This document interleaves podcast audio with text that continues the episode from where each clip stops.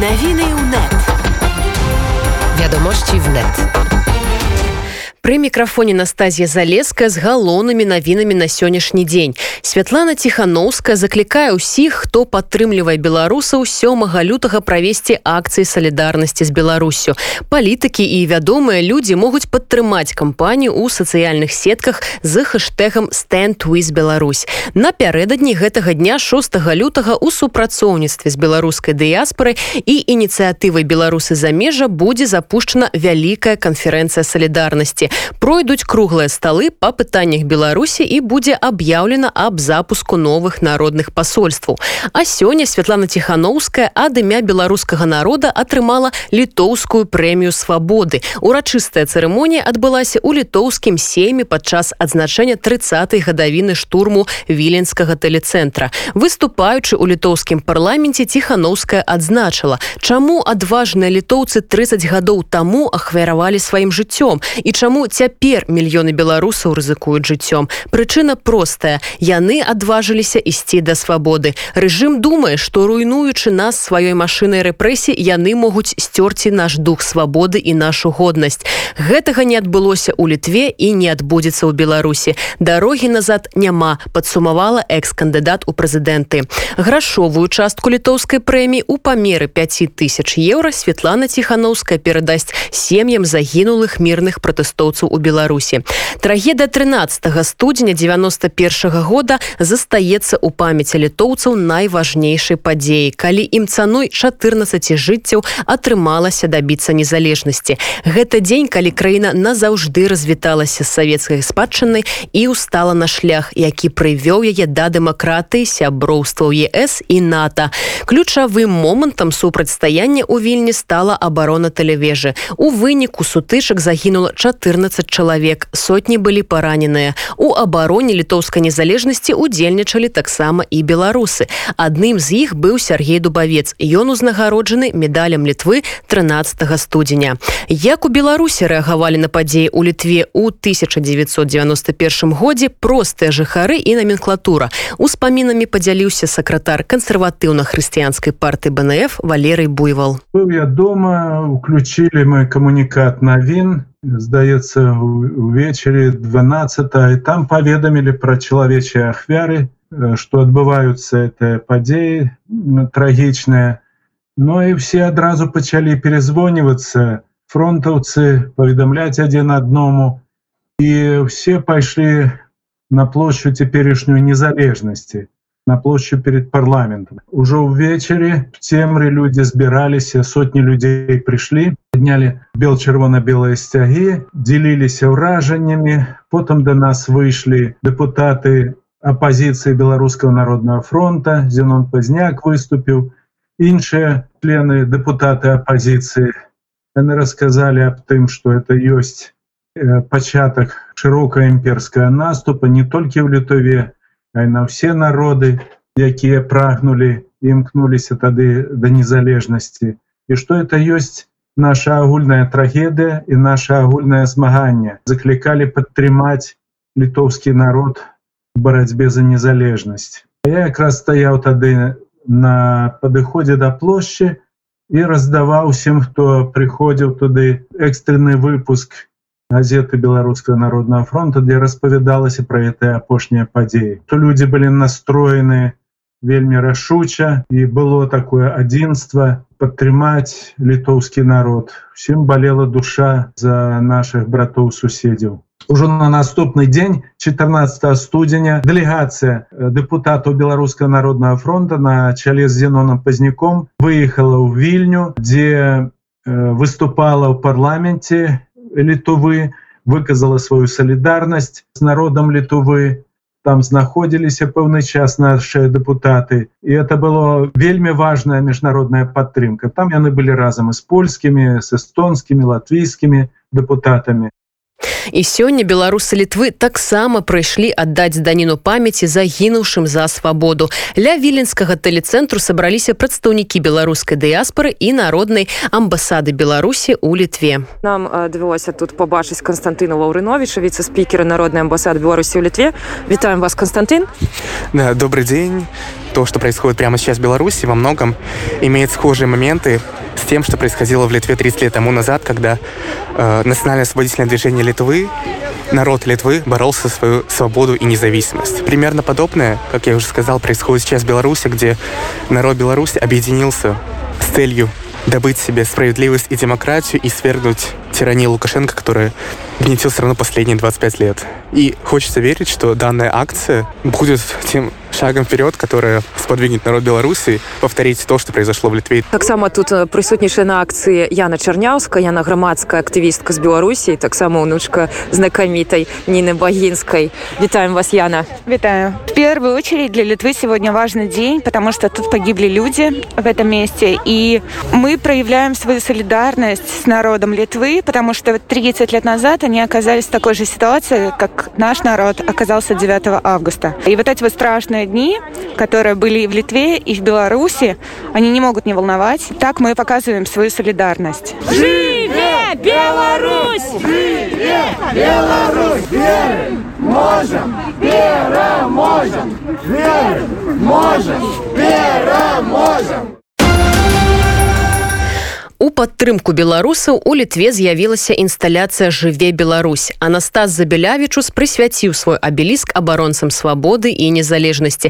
Наш корэспандэнт Бла Фокс побачыла арт-аб'ект. 12 студзеня у віленскам цэнтры выяўленчага мастацтва Йона самекаса прайшло адкрыццё абеліску жыве Беларусь Аўтар інсталяцыі маста кантана забелявічус прысвяціў свой твор змагарам за свабоду ў беларусі і ўсім ахвярам рэпрэсію з боку лукашэнкаўскай улады. Для стварэння інсталяцыі выкарыстоўвалася мілірваная вулічная цэгла чырвоныя і белыя папяровыя сурветкі кіламетр чорнай вяроўкі і ствалы сечаных асін над віды інсталяцыі з кадрамі супраціву працавалі жонка мастака рамуны кузьмінайте а таксама літоўскі кампазітар гінтарас садейка Америка.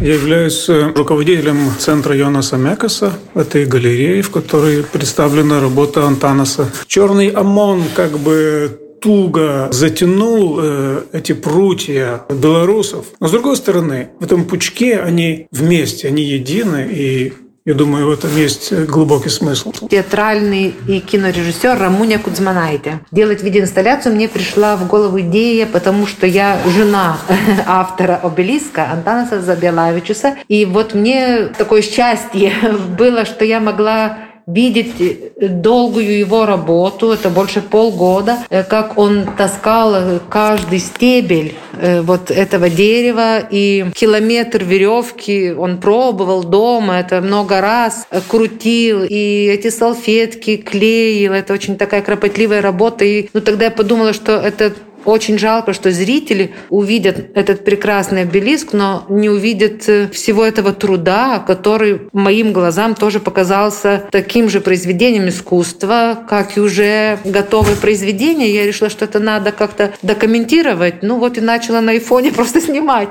У нас так само есть автор экспозиции, который задумал всю эту идею. Антанас Забелавичус. Люди в других странах, они живут своей жизнью, им как бы сыты, тепло и хорошо, а те люди, которые на улицах остались, а их до сих пор избивают. И вот я знал, что такой момент придет, и тогда нужна будет опять такая поддержка, как бы вторая волна, что ну, в этот момент очень будет важно опять начать говорить, что ничего не решено, что ну, режим как остался, так и есть, и еще получил финансирование с России. Цягам месяцу паглядзець на выставу падчас карантыну можна праз вокны памяшкання на вуліцы Малуну 8 ва ўжупісе. Афіцыйны мінск лічыць абсурднай увязку правядзення чэмпіяната свету па хакеі са зменамі канстытуцыі і іншымі унутранымі пытаннямі. Тэкст заявы размешчаны на сайце беларускага ўраду. Тут адзначаюць, што рэальны працэс грамадскага дыялогу ўжо даўно запушчаны. Створаны дыялогавыя пляцоўкі ва ўсіх рэгіёнах краіны. На ўсебеларускім народным сходзе, які пройдзе ў лютым 21 дэлегатамі будуць выпрацоўвацца напрамкі грамадска-палітычнага развіцця краіны у тым ліку і змена канстытуцыі якія пасля могуць быць прыняты толькі самім беларускім народам на рэферэндуме. Сказано ў паведамленні. Падкрэсліваецца што беларускія ўлады адкрытыя да любога дыялогу са сваімі грамадзянамі якія маюць розныя погляды як на канстытуцыйныя пытанні так і на любыя іншыя аспекты але не на каленях і не ў умовах знешняга ціску. Тым часам кіраўнік міжнароднай федэрацыі хакея Рне фазель менавіта па выніках яго яго візіту ў мінск. І з'явілася афіцыйная заява ўрада ужо некалькі разоў пашкадаваў што пагадзіўся на гэтую паездку. Таму што яго абдымкі з лукашэнкам выклікалі абурэнне нават у людзей далёкіх ад хакея. Кіраўнік міжнароднай федэрацыі хакею прысароміўся сваіх паводзін падчас сустрэчы з александром лукашенко ў мінску. Але прысаромлены ён быў не без дапамогі салідарных з беларускім народам нямецкіх палітыкаў. Чацвёра прадстаўнікоў па справах спорту ў бундестагі звярнуліся з лістом дэрна фазеля. Депутаты дагмар фрайтах чан канселькі з ЛТП семтье мёллер і махмуд эцдемір сцвярдзілі што з нагоды парушэнняў базавых дэмакратычных правоў грамадзян Беларусь патрэбна пазбавіць права правядзення чэмпіянату света па хакею 2021 годзе. У сваю чаргу фазель відавочна зразумеў наступствы сваіх абдымак з дыктатарам аб тым што яму сорамна ён паведаміў у інтэрв'ю швейцарскаму тэлеканалу срф па яго словах ён толькі жадаў зрабіць нешта добрае каб чэмпіянат стаў прымірэннем паміж уладамі і як ён сказаў апазіцыяй. Пры гэтым трэба нагадаць што